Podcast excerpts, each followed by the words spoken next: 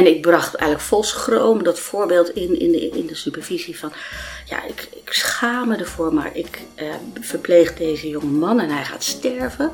En ik voel, lijkt wel alsof ik verliefd op hem ben. En het was zo'n opluchting, dat is eigenlijk heel normaal. Want je hart gaat open.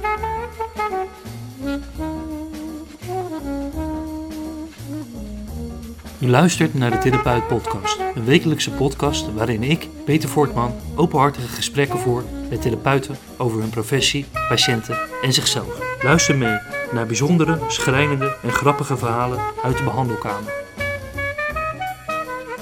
Vandaag ga ik in gesprek met Mathilde van Meel. Mathilde heeft een indrukwekkend cv.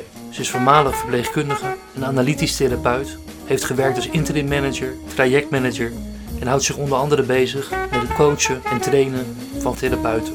Ze is een therapeut voor de therapeuten. Vandaag ga ik met haar in gesprek over supervisie, intervisie en reflectie. Luister mee. Goedemiddag Mathilde. Goedemiddag, Peter. Leuk dat je er bent. Ja. Of ja, dat ik bij jou ben, natuurlijk. Ja. Ehm, jij bent eigenlijk een beetje de therapeut van therapeuten en van, van, van zorgverleners. Wat maakt eigenlijk een ideale zorgverlener? Of uh, wat zijn je gedachten daarbij? Wauw.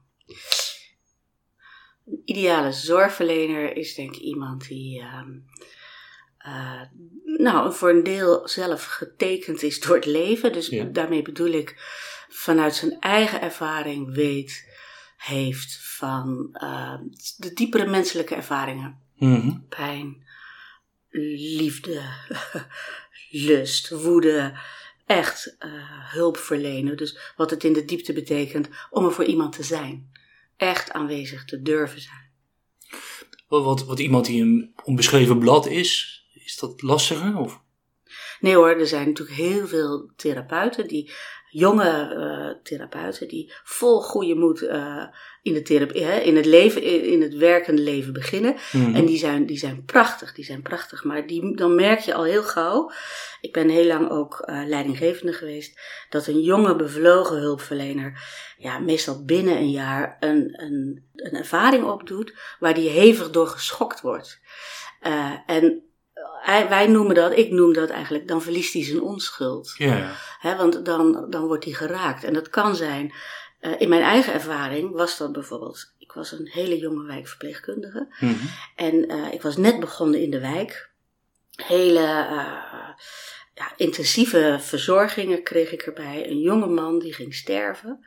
Die de ernstige vorm van kanker had. En hij werd verzorgd door zijn moeder en zijn zussen. En ik kwam daar drie, vier keer op een dag om te ondersteunen. En dat was zo'n, in mijn ogen, zo'n jong, mooi mens. Mm-hmm. Dat ik soms schrok van mezelf. Ik dacht, God, het lijkt wel of ik iets voel voor die jonge man. En uh, gelukkig had ik toen een, uh, een supervisor. Mm-hmm. En, uh, want dat, dat had ik ook al gevraagd hoor, dat had ik ook nodig, omdat ik nog zo onbekwaam was eigenlijk in de wijk. En ik bracht eigenlijk vol schroom dat voorbeeld in, in, de, in de supervisie van, ja, ik, ik schaam me ervoor, maar ik uh, verpleeg deze jonge man en hij gaat sterven. En ik voel, het lijkt wel alsof ik verliefd op hem ben. En het was zo'n opluchting dat deze wijze man mm-hmm. tegen mij kon zeggen, dat is eigenlijk heel normaal. Want je hart gaat open. Ja, ja. In, je wordt nu echt geraakt door de praktijk uh, wat soort universele uh, liefde kan zijn. En dat raakt je ook in je lijf. Want, want je was niet echt verliefd? Nee. Er was niet een, uh, een, een aantrekkingskracht? Nee, want het was een doodzieke jonge man. Ja. Maar ik voelde wel van alles. En hij kon dat dus met mij samen duiden als... Ja, dat, dat is dus eigenlijk heel normaal. Dus elk jonge professional mm-hmm. uh, maakt meestal in het eerste jaar van zijn praktijk iets dieps mee, waardoor, ja, waardoor uh, het zijn eigen onbewuste lagen aangeraakt worden. En die moeten in het bewustzijn komen. En daar moet je een context voor krijgen. Dat het normaal is, of dat je daar iets aan kan doen, of dat je daar ni- juist niks mee moet doen. En uh, dat heeft mij dus altijd erg uh, gemotiveerd om ook als leidinggevende met name die praktijkervaringen te begeleiden bij, Mhm. bij professionals. Want daar gebeurt het. Want je geeft zelf ook supervisie Ja. en ook intervisie. Klopt. Ehm, het verschil tussen supervisie en intervisie is één op één of in een groep? Of, Ja, klopt. Ja. ehm, En, en de hiërarchie is wat anders. Bij intervisie dan begeleid je eigenlijk het professionele proces mhm. en help je eh, de groepsleden op een volwassen, autonome manier met elkaar om te gaan. Elkaar feedback te, ge- te durven geven Mhm. op de ontwikkelingspunten die je bij de ander ook ziet. Je geeft aan van nou, het heeft wel. Want uiteindelijk eh, doe je die ervaring dan zelf op. Je, je geeft aan van als je. eh, Een goede zorgverlener is eigenlijk iemand die getekend is door het leven en dat, die dat begrijpt. En anders doe je dat wel op in, eh, in je werk. Ja, altijd. Altijd. Dat, ja, dus Dat, dat, dat denk ik ook, dat dat het belang is van ervaring. Hè? Dus dat Mhm. zeggen ze natuurlijk ook altijd. Kijk, alleen een opleiding, theoretische opleiding, dat is belangrijk en dat is een heel goed deel. Maar het staat of valt hoe je die, erva- hoe je die theorie in de praktijk kan brengen. En hoe je dat als mens integreert in je aanwezig durven zijn. Durf je aanwezig te zijn bij iemand die het moeilijk heeft, die lijdt. Hè? Mhm. In plaats van daar dan meteen als het ware op in te springen eh, en het weg te halen. Want was het ook moeilijk na, na dit, dit voorbeeld om daar. Ja, ik zou kunnen zeggen van je zou er wel professioneler naar kunnen kijken van. Om het zo te benoemen hoor. Het is maar een benoeming van nou, iemand sterft en dat raakt je heel erg. Wat natuurlijk logisch is, maar in je vak moet je daar ook een bepaalde scheiding in kunnen aanbrengen, denk ik. Want anders neem je het mee naar huis. Ja, klopt. Eh, maar de scheiding, kijk, Mhm. daar kan je dus van mening over verschillen. Mhm. De scheiding kan je aanbrengen door het af te sluiten. Mhm. En je kan de scheiding maken door het te integreren in je bewustzijn.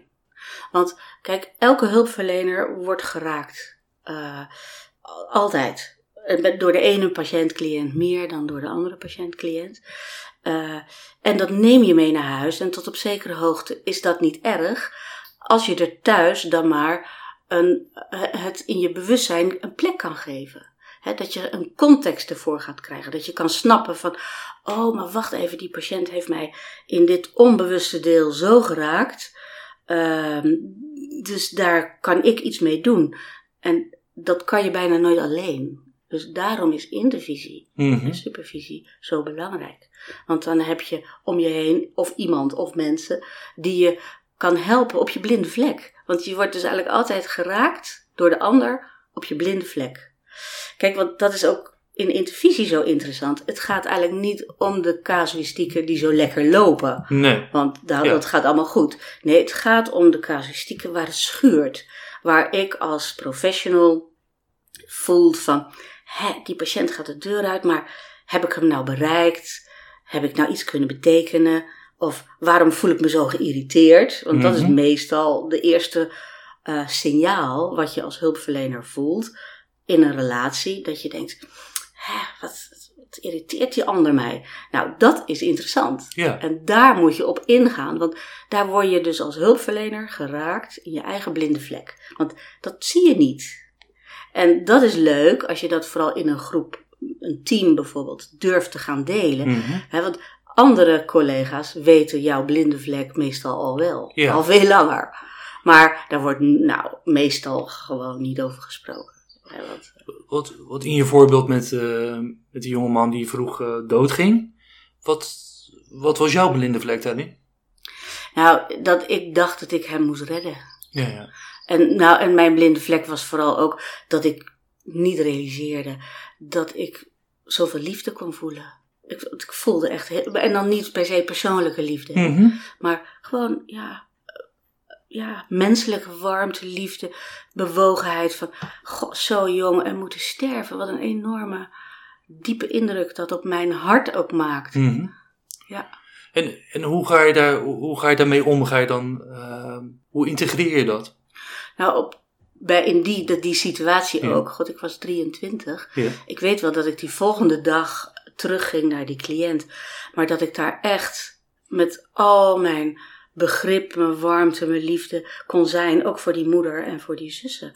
En eh, ja, dat, dat, dat creëerde een sfeer ook van ja, acceptatie. Van ja, dus zo is het leven. Hoe, Mhm.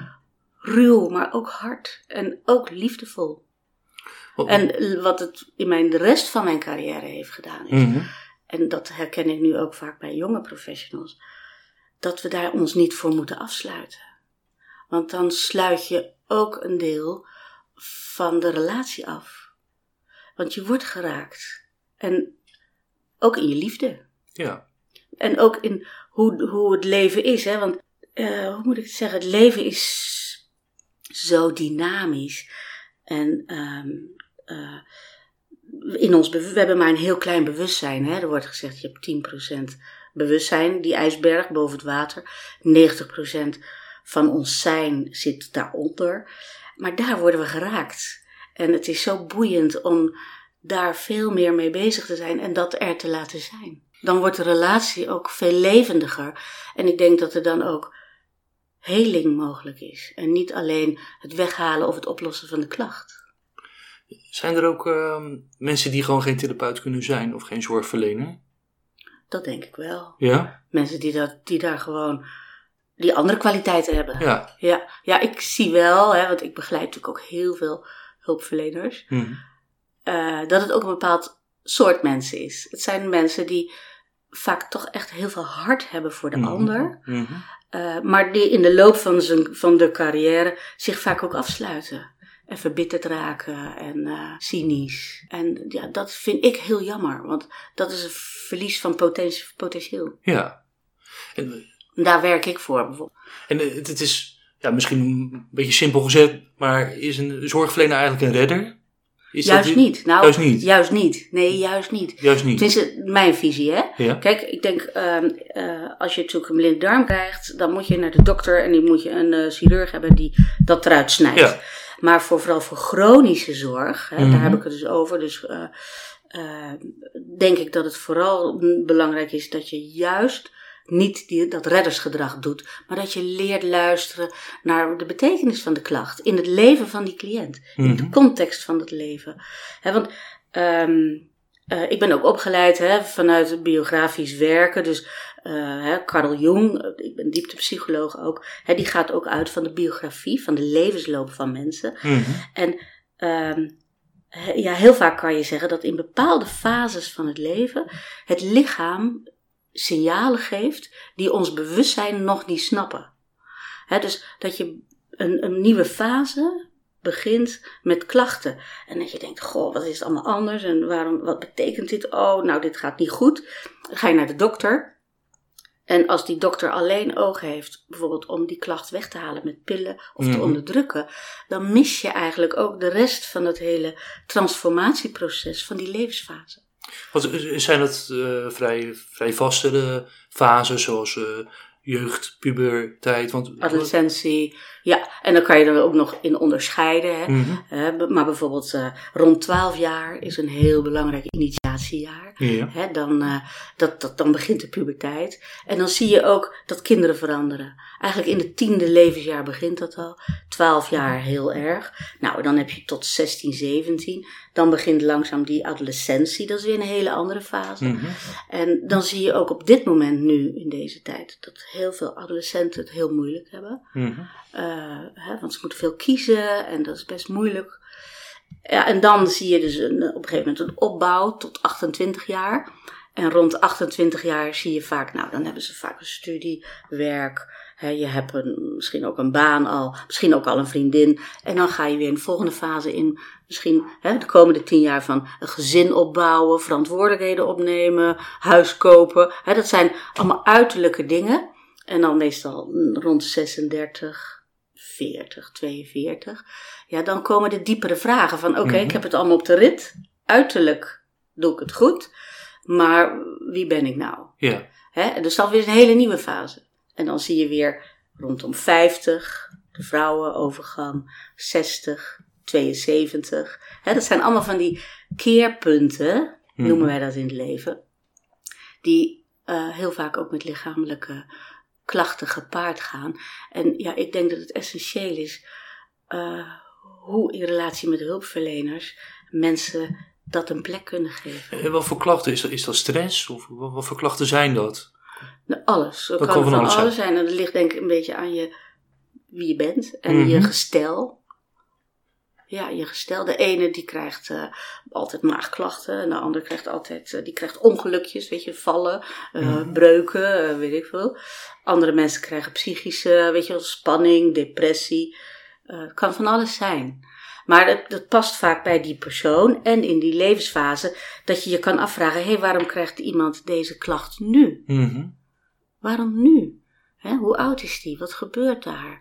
Welke ontwikkeling is er aan, ehm, aan de gang? En de- zo kijk je naar de patiënt, maar zo kijk je ook zelf na- naar de therapeuten, naar de zorgverleners. Ja. Ehm, maar is dat dan niet lastig als een zorgverlener zelf door zo'n fase heen gaat? En, Nou, en, en dan tegelijkertijd iemand Ja. anders moet. eh, ja. Ja. Want, Nou, weet je, mijn eigen ervaring, hè, ik, ben- ik heb een hele lange ervaring. Je krijgt eh, de cliënten die bij je passen. Oké, ja. Dat is altijd zo. Dat is echt zo. En eh, het bijzondere is ook, kijk, ik ken zelf natuurlijk ook fases op een gegeven moment dat ik gescheiden ben, dat ik het heel moeilijk had en eh, nou, bla bla bla. Ehm, dat ik toch mijn werk mijn redding was, want daar kon ik die knop omzetten, mijn eigen Mhm. ellende. En heel vaak, en dat is wel fijn als een hulpverlener dat kan, en dat kan je leren, om dan toch te zien waar de ander jou in spiegelt. Want heel vaak heb ik me ook wel opgetrokken aan cliënten. Ja, Hè, dat cliënten eh, moedig waren, dapper waren in hun eigen proces. Hè, mhm. En dat ik dacht, nou zie je wel, zij kan het, dan kan ik het ook. Hè. En soms ook dat, ik de ander, dat de ander mij spiegelde van, oh maar wacht even, dat doe ik ook. Help, dat moet ik niet meer doen. Hè, ik ben ook zo'n heks of ik ben ook zo'n eh, bitch.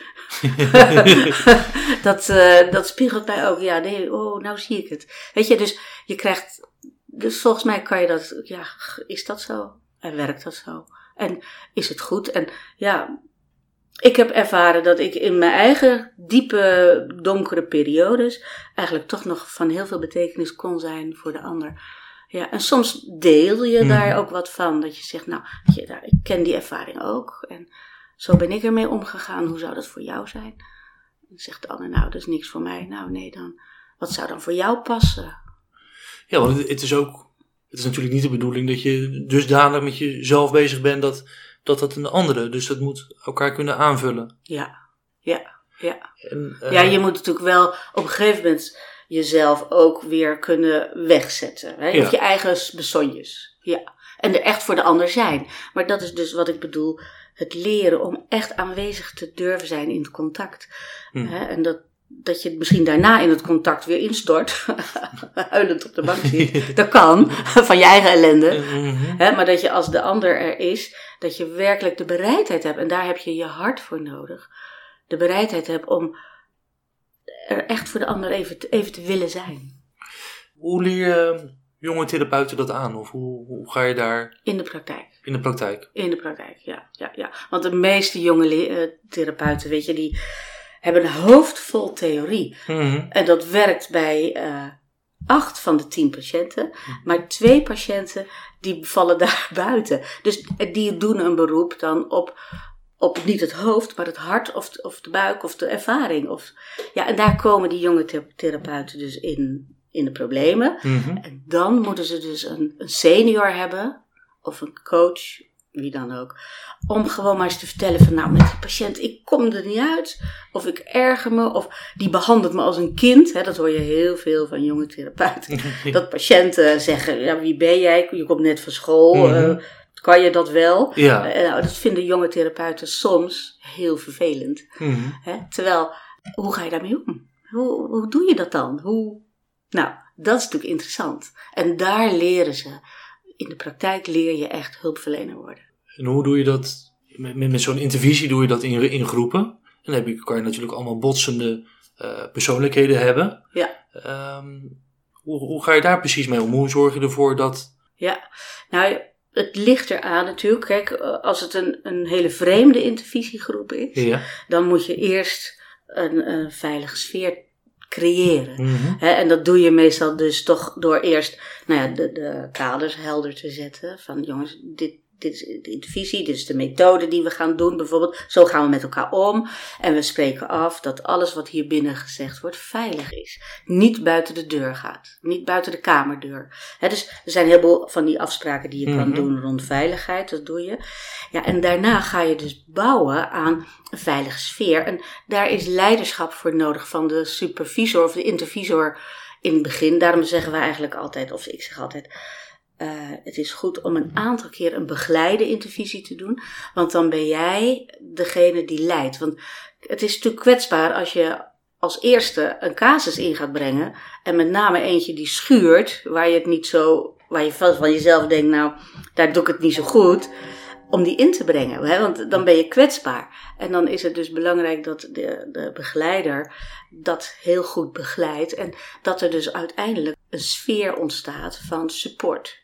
Hè? En dat alle andere deelnemers, eh, nou ja, ook de tijd en de ruimte krijgen voor reflectie. Van, oh, maar wacht even, vandaag jij, morgen ik. Dus waar gaat het nou eigenlijk om? Hè? En dus dat we dat dieper niveau bereiken. En lukt dat altijd? Of eh, is het Ja. werk... Ja? Het is Nou, nooit... Nu wel. Ja, ja. In het begin natuurlijk was het voor mij ook wel zoeken hoor, maar ik doe het ondertussen wel al heel wat jaar. En ja, ik vind het nu geweldig, want ik vind het zo mooi. eh, het, dan ontstaat er zo'n sfeer van kameraadschap, verbondenheid, begrip, Mhm. eh, acceptatie.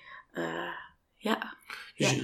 dus humor werk- ook vaak. Humor, want Ja. kijk, die, vooral als een groep elkaar gaat kennen en als het een bestaande team is, is het helemaal leuk. Want als bestaand team ken je elkaars schaduwzijde best wel. Hè, want dan denk je, oh, dat, oh nee, dat doet hij altijd zo. En nu komt het aan de orde. Ja. En dan kan je er ook met mildheid eh, na- met elkaar naar kijken. Want de ander zegt dan, oh ja, dat, dat is eigenlijk wel waar. Want het is best lastig om te erkennen. Ja, dat is wel een dingetje, een dingetje van mij. Daar ben ik niet zo goed in. Of eh, ja, eh, eh, dat vind ik lastig. Ik heb begrepen dat je, me, dat je ehm, vaak werkt met de drama-driehoek. Ja. Eh, wa- wa- wat is de drama-driehoek? De drama Ja, dat is eigenlijk een eh, onderdeel van de transactionele analyse. Ja. Dat is een, eh, een psychologisch, of dat is een stroming in de psychologie, ook uit, de jaren tachtig, Mhm. vorige, vorige eeuw. En Karpman, of ehm, ja, Karpman was een van de begeleiders in de transactionele analyse.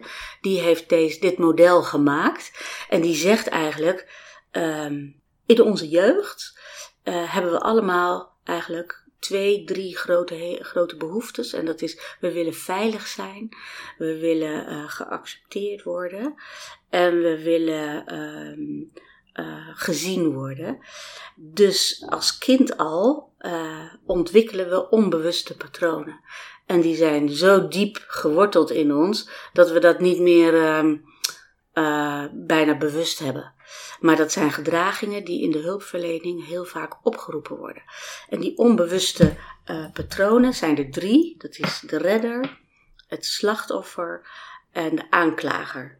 En die worden dus vroeg in de jeugd ontwikkeld. Bijvoorbeeld de redder, het reddersgedrag, Mhm. wordt bijvoorbeeld, eh, dat zie je heel veel, bij kinderen eh, ingeplant, zeg maar, die bijvoorbeeld een chronisch zieke ouder hebben. Ja. Want moeder, als ze thuiskomen uit school, ligt moeder op bed, heeft hoofdpijn of ziek of wat dan ook. Dus kind zegt al gauw, ik doe de boodschappen, want dan worden ze veilig, dan worden ze geliefd en dan worden ze gezien en geaccepteerd. Dus het kind gaat alles doen om te helpend om maar gezien te worden. Nou, het slachtoffer, dat is vaak een rol die ge- gevormd wordt door, eh, door machteloosheid. Want dan eh, eh, hoef je niks en dan kan je niks.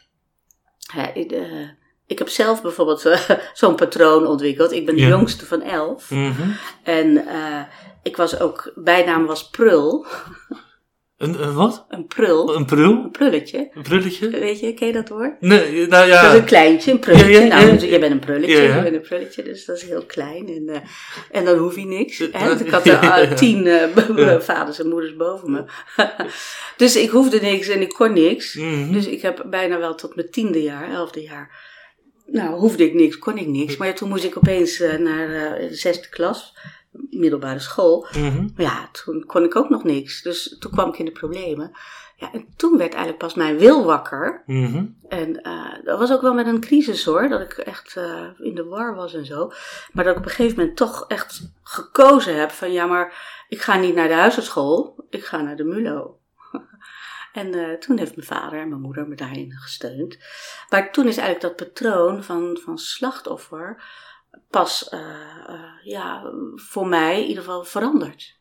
Wat, Toen ben ik eruit gestapt. Wat is het eh, als je slachtofferrol inneemt? Wat, hoe uitzicht dat bijvoorbeeld in, in, in, In het dagelijks leven. in het dagelijks leven of in een werksituatie? Of wa- waar herken, waar herken je slachtofferschap aan?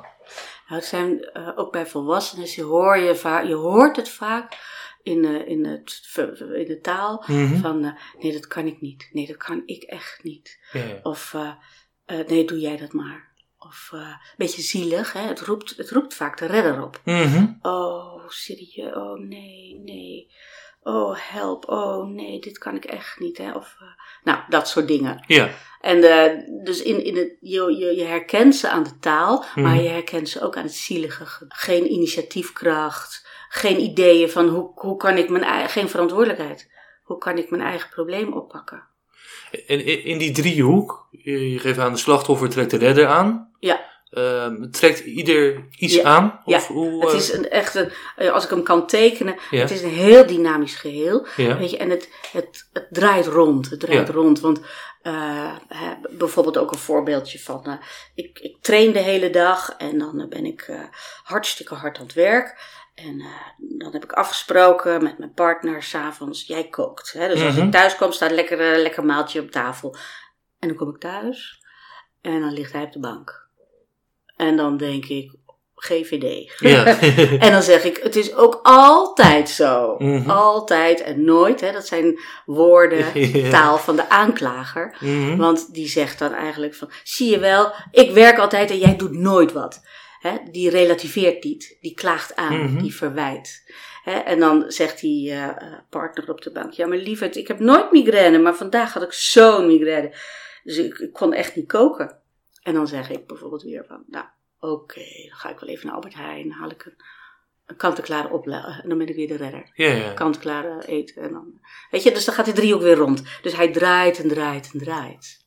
Dus dat, je, ver- je verplaatst telkens ook in de in positie die je inneemt. Het Ja. zijn geen vaststaande posities. Nee, kijk, en in de hulpverleningssituatie, als je een slachtoffer tegenover je hebt Mhm. en ik ben therapeut en ik voel me erg aangesproken om te redden, Mhm. dan neem ik alle verantwoordelijkheid van die cliënt over. Ja. En dat moeten we niet doen. Want dan word ik verantwoordelijk voor zijn helings- of, of genezingsproces. Dus het is veel belangrijker dat we uit die dramadriehoek durven te stappen. Mhm. En dat vraagt een beetje bewustzijn. Dat je je eigen patronen herkent. Dat je herkent van, nou, ik heb de neiging om heel snel te redderen. Maar dat moet ik vooral bij deze cliënten niet doen. Dus dan moet ik als het ware eventjes op mijn handen gaan zitten. En, eh, en gewoon eens, eerst eens vragen van, goh, wat zou je nou zelf kunnen verzinnen om uit deze lastige situatie te komen? Of wat zou je zelf nou kunnen doen? Of wat voor oplossing ziet u nou? Dus dat, dat vraagt een hele andere dynamiek Mhm. in de hulpverlening. En als je natuurlijk, want dat gebeurt ook veel, een aanklager tegenover je hebt, dus Mhm. een hele boze cliënt, nou dat zie je natuurlijk ook regelmatig. Deze, word je dan klein en slachtoffer, want dat kan, want het Mhm. is soms heel intimiderend. Hè, of ga je redderen, hè, of ga Mhm. je zeggen van, oh nee, maar ik los dat voor u op. Of durf je daarin te staan en dus te kijken van, goh, wat, wat is nou die boosheid? En wat wil die meneer of mevrouw nou eigenlijk zeggen? Hè, want daar zit natuurlijk wat achter. Mhm. Nou, dus dat is het interessante. Als je dus voorbij die drama-driehoek kan komen, dan, eh, dan kan je authentieker in het contact staan. En je geeft aan eh, het redderschap, of de, de redder, die, daar zit eigenlijk een bepaalde functie in. Of dat is er ooit ingeslopen, want diegene die wil gezien en eh, geliefd Veilig. worden. Veilig. Eh, en wat, wat is de functie van het aankla van aanklagen? Als je, zit daar een patroon in van, van vroeger ook? Of, Ja, ook, ja. De aanklager, ja, want die wil natuurlijk ook veilig zijn. Maar de Ja. aanklager heeft ontdekt, als ik alles buiten mezelf leg, Mhm, dus jou, jij, en jij doet het nooit, mhm, en eh, altijd, dan ben ik veilig. Ja. En dan ligt het bij jou. Dan heb ik het afgesloten. Dat, dat doet de aanklager. Hè, en eh, eh, het slachtoffer, ja, dat is veilig door vooral klein te blijven. En zich niet te bewegen, als het ware. Houd je adem in en stik niet. Zoiets, hè? Dat ja, het patroon van het slachtoffer. Ja. En de redder heeft geleerd, ja, als ik nou maar aan het doen ben. Nou ja, dus je kan je voorstellen, in de zorgverlening heeft 9 van de 10 mensen een reddersgedrag. Ja, dat, dat, dat, dat klinkt logisch, ja. Ja. en daar moeten ze eigenlijk uit. Want eh, met, het red- met het redden help je eigenlijk het slachtoffer niet, want die blijft in zijn slachtofferrol. Ehm, En de aanklager red je ook niet. niet. Je, redt nie, je helpt niemand. Ja, je kan tijdelijk, Ja, maar je houdt de ander als het ware. Je geeft de ander niet zijn eigen verantwoordelijkheid en niet zijn eigen helingsproces. en help je jezelf daarmee? Want je wordt belangrijk als je aan het, Ja. aan het redden bent, dan, eh, ja, dan ben jij de redder. Dat, Ja. dat is een mooie. Ja. ja, Ja, maar dat, dat is macht. dat is macht. En daar moet je niet in. Nee. Kijk, want dat is weer. Dat, ehm, Jung spreekt van archetypes. Mhm. En je hebt natuurlijk het patiënt-hulpverleners-archetype. Archetype bestaat altijd uit twee polen. Mhm. Hè? Twee, een negatieve en een positieve pool. En eh, op dit moment zie je dus heel sterk dat eh, de professionals zich sterk teruggetrokken hebben op de pool. Ik ben de hulpverlener, ik weet hoe het zit. Mhm. Ik ben hier degene die, die het voor het zeggen heeft. Mhm. En de patiënt, eh, nou ja, dat, dat, die heeft een negatieve pool. Die heeft eigenlijk niet zoveel te zeggen. En dat is heel slecht. Want met macht Mhm. eh, help je de ander niet in zijn helingsproces. Dus de hulpverlener moet meer zijn eigen patiënt gaan ontdekken. En de patiënt moet veel meer zijn eigen innerlijke hulpverlener gaan ontdekken. En dat is de kunst in een relatie. Hè? eh, durf ik aanwezig te zijn in, de, in het bewustzijn dat ik ook soms een patiënt kan zijn en kwetsbaar en het niet weten. En durft de patiënt een beroep te doen op zijn intuïtieve kennis van wat goed voor hem is. En ehm, als, je, als je kijkt naar die driehoek, wat, wat, wat, wat, hoe, ontbreek je die, hoe ontbreek je die driehoek? Of is er een Ja. kern wat, wat de driehoek bij elkaar houdt? Wat, wat, zorgt ervoor dat die in stand blijft? Het, nou, eh, patronen, gedrag, gedrag, gewoonte, gewoonte. Dus de eerste stap is bewustwording. Ja. Bewustwording bij jezelf, want het begint altijd bij jou en niet bij de cliënt. Mhm. Oh, wat ben ik aan het doen? Dus reflectie. Nou, daar begint alle intervisie en, en coaching mee. Reflectie. Wat ben je eigenlijk aan het doen? Dat is een hele goede vraag. Ja, wat ben ik aan het doen? Ja, ik, ik wil die ander helpen en hij moet daar vanaf, bij wijze van spreken. Hè, dus bewustzijn, wat doe ik? Oh, ik ben aan het redderen. Of ik ben aan het aanklagen. Ik ben eigenlijk heel boos op die cliënt dat hij niet doet wat hij wil, wat ik wil. Of ik voel me machteloos, ik ben slachtoffer. Als je dat gaat ontdekken, Mhm. dan ben je al heel erg ver. En dan, want dan heb je een keuze om te zeggen: Oh, maar wacht even, dat gedrag wil ik niet meer, maar wat dan? Wat dan? Ja, dat, dat en dat, daar gaat het om. Dan is het stil. Hè, dus als ik bijvoorbeeld er als redder stop met het voor de ander het op te lossen, Mhm. ja, dan is het stil tussen ons. En durf ik dat er te laten zijn? Daar gaat het om. En dat is trainen, oefenen. En weet je, dat, dat zeggen we ook altijd in, in de intervisie. Als je het je eenmaal bewust bent geworden, dan komt de fase van, nou ga het maar doen in de praktijk Mhm. en kom erop terug. En dan is het de eerste keer mislukt het. En dan val je toch weer in je oude valkuil. De tweede keer halverwege stop je. En de derde keer stap, trap je er niet meer in. Zo werkt het. Ben, jij, ben jij er nu vrij van? Nee. Want, eh, ik heb, oh, weet je, ik heb natuurlijk ook bij sommige ja. eh, eh, mensen, die raken mij. Of die, die- opeens zie ik mijn dochter voor me hè, in een. Eh, en dan heb ik ook weer zo, dan denk ik, oh, ik zou het zo graag voor je willen doen. Maar, en dan denk ik, oh nee, terug, weet je. Maar ik herken het al wel heel snel. Ik herken het heel snel. Dus ik, ik trap er niet meer zo volledig in. maar ik voel nog wel de neiging hoor. ja, dat, dat, dat, dat leer je nooit af eigenlijk. Nou ja, weet je, het zit zo ingebakken. Want dat, zo ben ik vroeger, zeg maar, die, die hele belangrijke jeugdjaren, zo ben je Mhm. gevormd. Ja. En dat neem je mee. En het heeft ook zijn charmes. U luistert naar de Therapeut Podcast.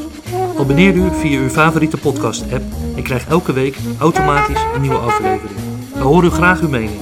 Vragen, opmerkingen of suggesties kunt u sturen naar info.detherapeutpodcast.nl of laat een review achter via uw podcast-app.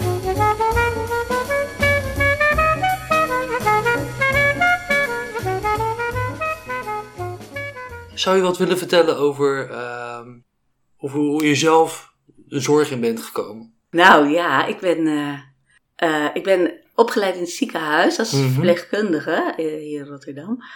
Uh, en um, dat was wel heel, dat heeft me wel echt gevormd. Wij hadden toen, dat is natuurlijk al lang geleden, we hadden toen ook een stageweek in de wijkverpleging. Mocht ik een weekje mee met een wijkverpleegkundige op Rotterdam Zuid in een autootje. En ik ik was daar zo geboeid, want ik kwam bij mensen thuis. En er waren ook een aantal cliënten die ik in het ziekenhuis op de oncologieafdeling als verpleegkundige had mogen verzorgen. Die zag ik toen weer thuis. En in die thuissituatie zag ik opeens een heel ander mens. De mens stond op de voorgrond en niet eigenlijk de kanker, de, de ziekte. En de kinderen en de vrouw en de, het hele sociale eromheen. En ik vond dat zo geweldig. Dus ik ben toen heb besloten om wijkverpleegkundige te worden. Was een geweldige opleiding toen nog, twee jaar, sociale academie. Heel leuk. En ik ben, was 23, toen begon ik als wijkverpleegkundige in Limburg. Met mijn vriend toen mee. En ja, toen kwam ik wel mezelf wel tegen. Want ik dacht, oh, al die verschillende situaties, al die processen die, die uh, mensen daar meemaken. Je had daar ook nog echt drie generaties gezeten. Dus uh, ik zocht Rotterdam, in Rotterdam nog hulp uh, mm-hmm. bij, bij vrienden, vriendinnen. En toen ontdekte ik daar uh, humanistieke gezondheid. Dat was een stroming van, op de Erasmus Universiteit rondom jonge studenten. En Marco de Vries, Marco de Vries patholoog-anatoom, die uh, wilde vooral ervaringsgericht leren. Dus die, die was uh, vanuit Amerika en Engeland was er een stroming overgekomen, humanistic medicine, mm -hmm. dus menselijke gezondheidszorg. Um, nou, daar, ik was daar helemaal uh, op mijn plek. En uh, elke week ging ik een avond naar Rotterdam, ging intervisie doen en supervisie. En uh, ik zat helemaal in dat groepje van jonge artsen, verpleegkundigen. En ik, ik vond, vond het echt prachtig, want het gaf mij een enorme ondersteuning in dat complexe wijkwerk. wat mij ook natuurlijk als jonge vrouw heel erg raakt. Nou, en op een gegeven moment heeft dat zich verder ontwikkeld en is er een een groepje heeft zich daarin afgescheiden. Die zijn uh, ecologische gezondheidszorg geworden.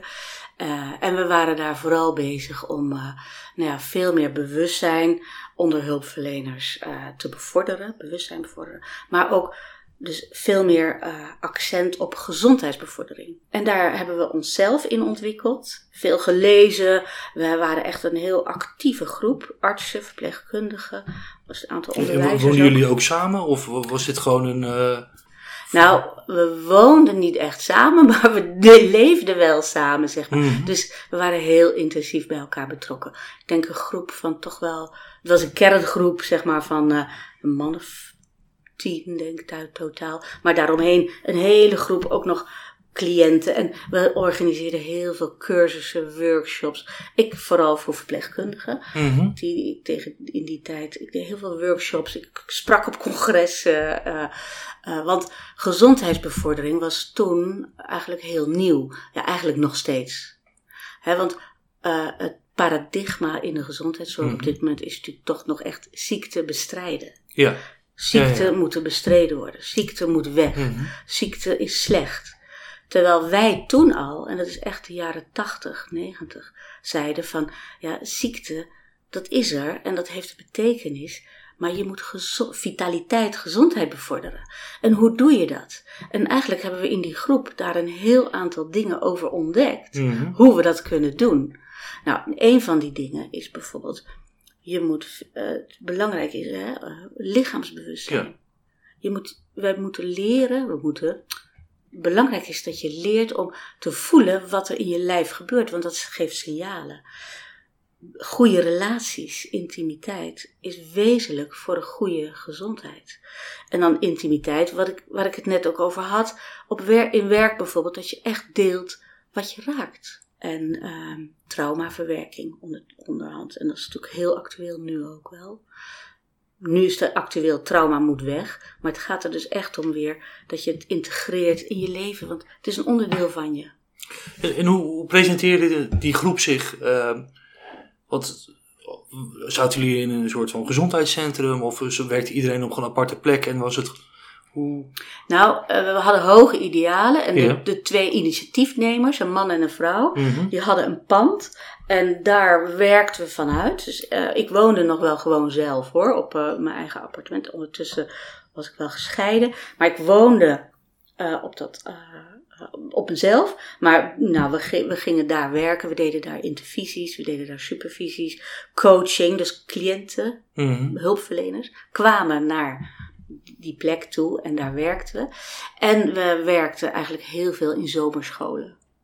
Elke zomer, we hebben denk ik wel negen of tien jaar zomerscholen georganiseerd.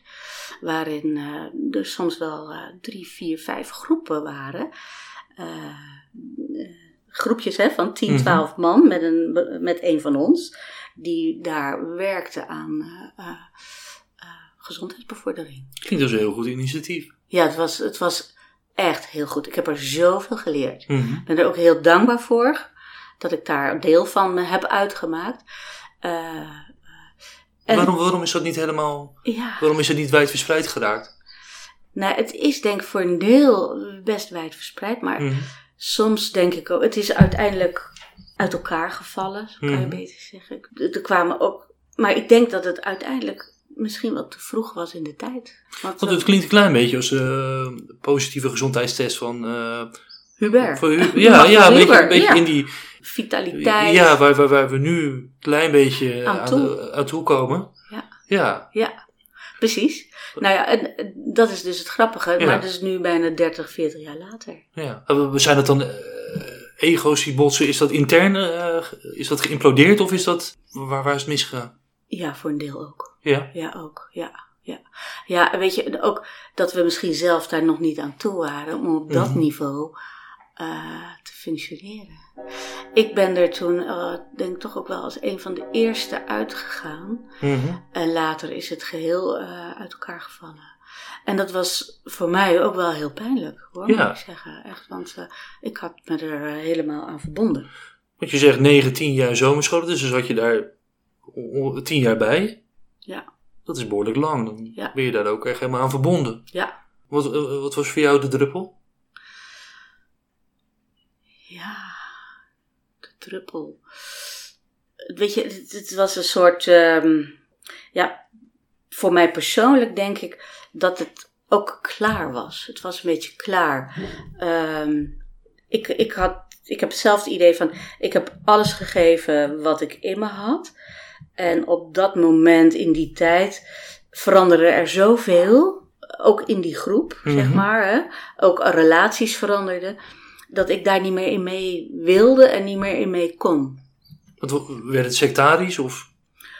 Zo kan, zo kan je het noemen. Ja. Ja, ja. Zo zullen niet iedereen het benoemen hoor. Mhm.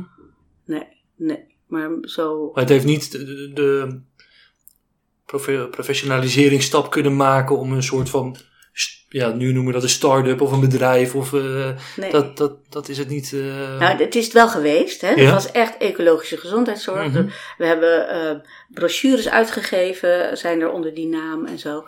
Dus het, maar dat is de initiatiefnemers, de Mhm. twee zeg maar, die daar natuurlijk ook vreselijk hard aan getrokken hebben. Mhm.